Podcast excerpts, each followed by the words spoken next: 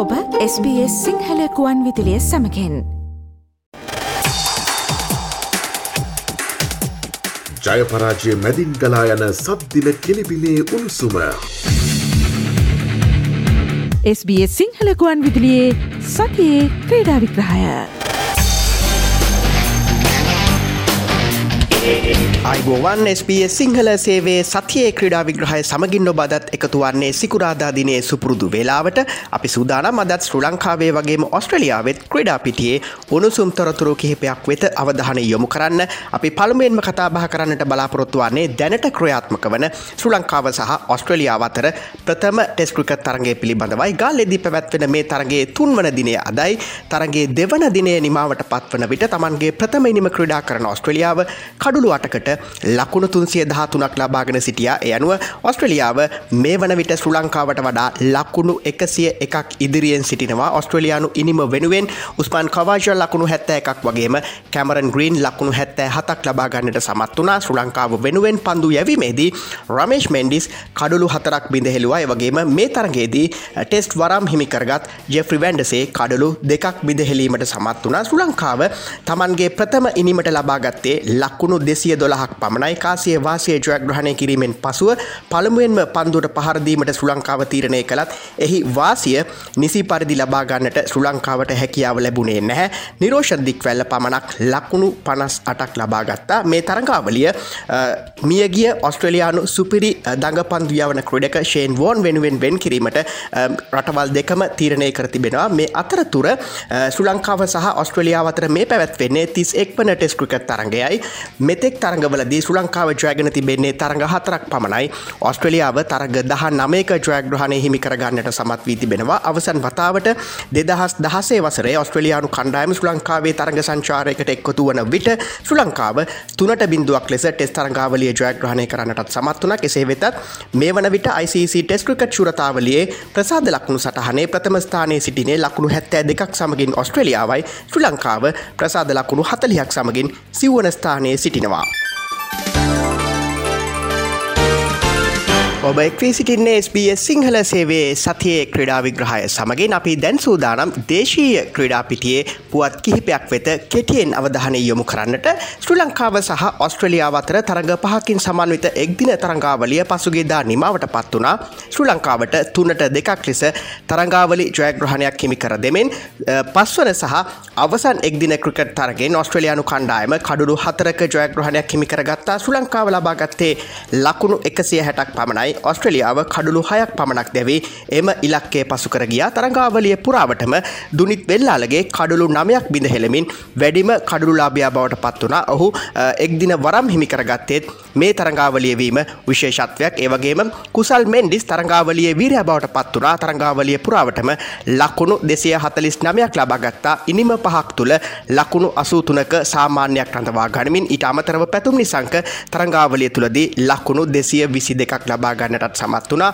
වනිදු හසරංග කඩුළු පහක් පිඳහෙලීමට සමත් වනා මෙහිදී පස්වන තරගේදී ශ්‍ර ලංකාවේ ක්‍රඩා ලෝලීන් කහ පැහැත්ති ඇඳුමෙන් සැරසි ඔස්ට්‍රලයානු කණ්ඩායමට ස්තුතිය පල කිරීම සඳහා ක්‍රඩාංගනයට පැමිණ තිබීමත් විශේෂයෙන් සඳහන් කරන්නට ඕනේ. මේ අතරතුර ශ්‍ර ලංකා ක්‍රිකට් කණ්ඩායම දෙදහස් විසි තුන වසරේ මාර්තුමාසේදී නවසීලන්තේ සමඟ සිදු කරන්නාව තරග සංචාරයේ තරග කාලසටහන පසුගේදා එලි දැක්වුණා මේ තරගාවලිය සඳහා ටෙස් තරග දෙකක් එක්දින තරඟ තුනක් සහ විස්සයි විස්ස තරඟ තුනක් ඇතුළත් වනවා. මාර්තු මස නම වනදා පළමු ටෙස් තරගේ ආරම්භ වනවා.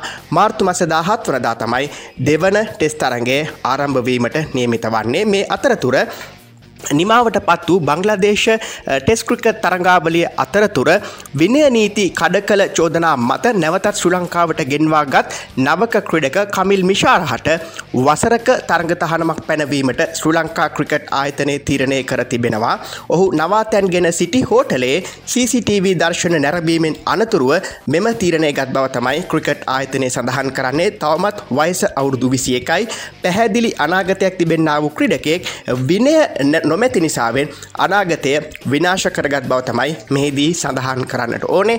අපි මීළඟට අවධානයොමු කරන්නේ මලල ක්‍රඩා පිටිය වෙතයි. එලබෙන පොදුරාජ්‍ය මණ්ඩලිය තරංගාවලියෙන් ඉවත්වීම සඳහා ශ්‍රී ලංකාවේ උස පැනීමේ සුපිරික්කුඩක උෂාන් තිවංක තීරණය කර තිබෙනවා. විශේෂයෙන්ම මේ වන විට ඔහු ඇමරිකා එක්සත් ජනපදයේ පුහුණු වීම්වල නිරත වනවා ඔහුට ඊළඟ තරංගාවලි කිහිපයක් සඳහා සහභාගිවීමට අවශ්‍ය මූල්‍ය ප්‍රතිපාදන නොලැබීම නිසාවෙන් ඔහුගේ පුහුණු කරු පවසා තිබෙනවා. නිසි සූදානමකින් තොරව පොදුරාජ්‍ය මණ්ඩලිය තරංගාවලියට ඉදිරිපත්වීමට නොහැකි නිසාවෙන් එම තරංගාවලියෙන් ඉවත් වන ලෙස එය අනුව මේ තරංගාවලියේ ශ්‍රී ලංකාවේ යම් පදක්කම් බලාපොරොත්තුවක් වූ බවත් උශාන්තිවංක සඳහන් කිරීමට හැකියාව තිබෙනවා. මේ අතර පසුගේදා පැවති පැරා මලල් ක්‍රඩා තරංගාවලියේදී F44 හෙල්ල විසි කිරීමේ සව්වෙන් නව ලෝකවාර්තාවක් බිහි කරන්නට සමිත දුලාන් සමත් වනා. ඒ මිටර හැටහය දශම හයයි බින්දුවක දුරක් වාර්තා කරමින්. ජාතික පැරා මලල් ක්‍රඩා තරංගාවලිය පසුගේදා සුගතදාස ක්‍රඩාගනයේදී නිමාවට පත් වනා. අපි මීළඟට අවධාන යොමු කරන්නේ ශ්‍රී ලංකා ඒ ක්‍රිකට් කණ්ඩායම සහ ඔස්ට්‍රේලියා ඒ ක්‍රිකට් කණ්ඩායම අතර පැවැත්වුණු දෙවන සහ අවසන් සිව්දින ක්‍රිකට් තරගේ වෙතයි. එම තරගෙන් ඔස්ට්‍රලයානු කණ්ඩායම කඩුළු පහක ජයග්‍රහණයක් හිමි කරගත්තා. එය අනුව තරග දෙකින් සමන්විත සිව්දින ක්‍රිකට් තරංගාවලිය දෙකට බිඳුවක් ලෙස ජයග්‍රහණය කරන්නට ඔස්ට්‍රලයානු ඒ කණ්ඩායම සමත් වුණ. ශ්‍රී ලංකාව තමන්ගේ ප්‍රථමීනීමට ලකුණු දෙසිය තිහක් ලබාගත්තා ඔස්ට්‍රලයානු ඒ කණ්ඩායම ලබාගත්තේ ලකුණු දෙසිය පනස් හතරක් පමණයි. ශ්‍රී ලංකාව තමන්ගේ දෙවන ඉනිමට ලකුණු දෙසිය අනුවක් ලබාගත්තා එය අනුව ඔස්ට්‍රලයානු කණ්ඩායමට තමන්ගේ දෙවන ඉනිමේදී ජයග්‍රහණය සඳහා ලකුණු තුන්සිය හැට හතක ඉලක්කයක් හිමි වුණ. ඔවුන් කඩුළු පහක් පමණක් දැවී එම ඉලක්කේ පසුකරයන්නට සමත් වුණ. ඔස්ට්‍රලයානු ඒ කණ්ඩායමේ දෙවන ඉනිමේදී ශාතක දෙකක් වාර්තාවීමත් කැපී පෙනුණා. ඔබෙක්වී සිටින්නේ SBS සිංහල සේවේ සතිය ක්‍රඩා විග්‍රහය සමගින් අපි මීළඟට අවධාන යොමු කරන්නේ ශ්‍රී ලංකා කාන්තා ක්‍රිකට් කණ්ඩායම සහ ඉන්දිය කාන්තා ක්‍රිකට් කණ්ඩායම අතර පැවැත්වුණු තරඟ තුනකින් සමන්විත T20 තරඟාවලිය වෙතයි තරඟාවලියේ තුන්වන සහ අවසන් T20 තරගෙන් ශ්‍රී ලංකා කණ්ඩායම සමත් වුණා. කඩුළු හතක විශිෂ්ට ජයග්‍රහණයක් හිමි කර ගන්නට තරඟාවලිය පැවැත්වුණේ දඹුල්ල ජාත්‍යන්තර ක්‍රිකට් ක්‍රීඩාංගනයේදී ඉන්දිය කණ්ඩායම පළමුවෙන් පන්දුර පහරදී කඩුළු පහකට ලකුණු එකසිය තිසටක් ලබාගත්තා ශ්‍රී ලංකා කණ්ඩායම පන්දුවර්දා හතක් තුළ කඩුළු තුනක් පමණක් දැවී එම ඉලක්කේ පසුකරයන්නට සමත් වනා විශිෂ්ට ඉනිමක් ක්‍රඩා කලා චමරය අතපත්තු පන්දු හතලි සටක් තුළ ලකුණු අසුවක් ලබාගත්තා හතරේ පහර දා හතරක් සමගින් කෙසේ වෙතත් තරග තුනකින් සමන්විත T20 තරංගාවලිය දෙකට එකක් ලෙස ජයග්‍රහණය කරන්නට ප්‍රබල ඉන්දිය කාන්තා ක්‍රිකට් කණ්ඩායම සමත් වන ඉන් අනතුරුව පැවැත්වෙනවා තරග තුනකින් සමන්විත එක්දින තරංගාවලිය අද දිනේදී පල්ල කැලේදී එම තරංගාවලිය ආරම්භවීමට නේමිතයි මේ T20 තරංගාවලයේදී විශේෂිත සිදුවීමක් වාර්තා වුණ එතමයි ශ්‍රී ලංකා නායිකා චමරි අතපත්තු පළමු ශ්‍රී ලංකීය ක්‍රඩිකාව වශයෙන් T20 තරග පිටියේ ලකුණු දෙදහසේ සීමාව පසු කර යන්නටත් මෙහිදී සමත් වනා.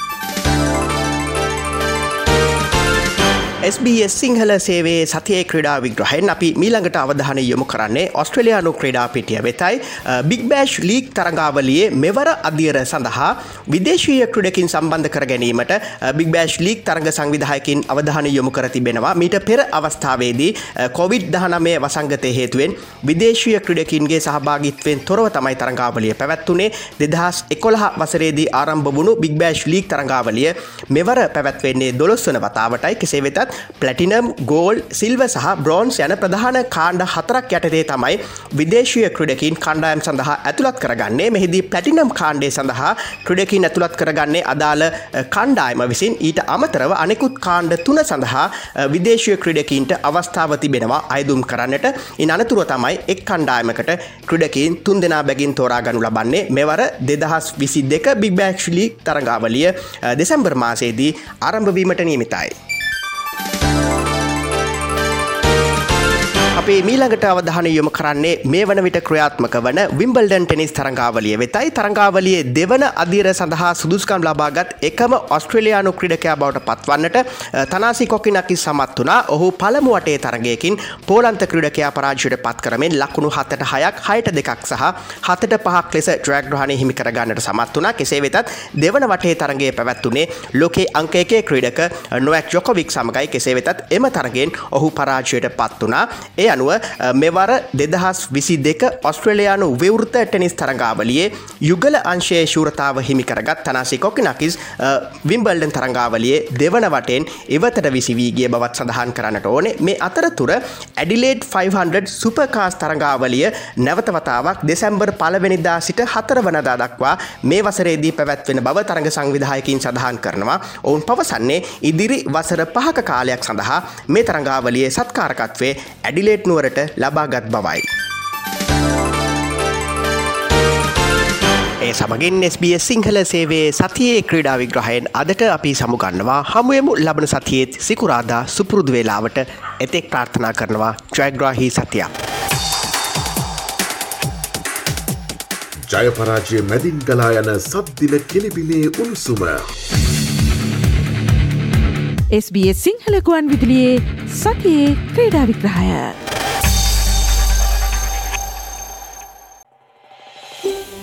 මේ වගේ තවත්තොරතුරු දැනගන්න කැමතිද.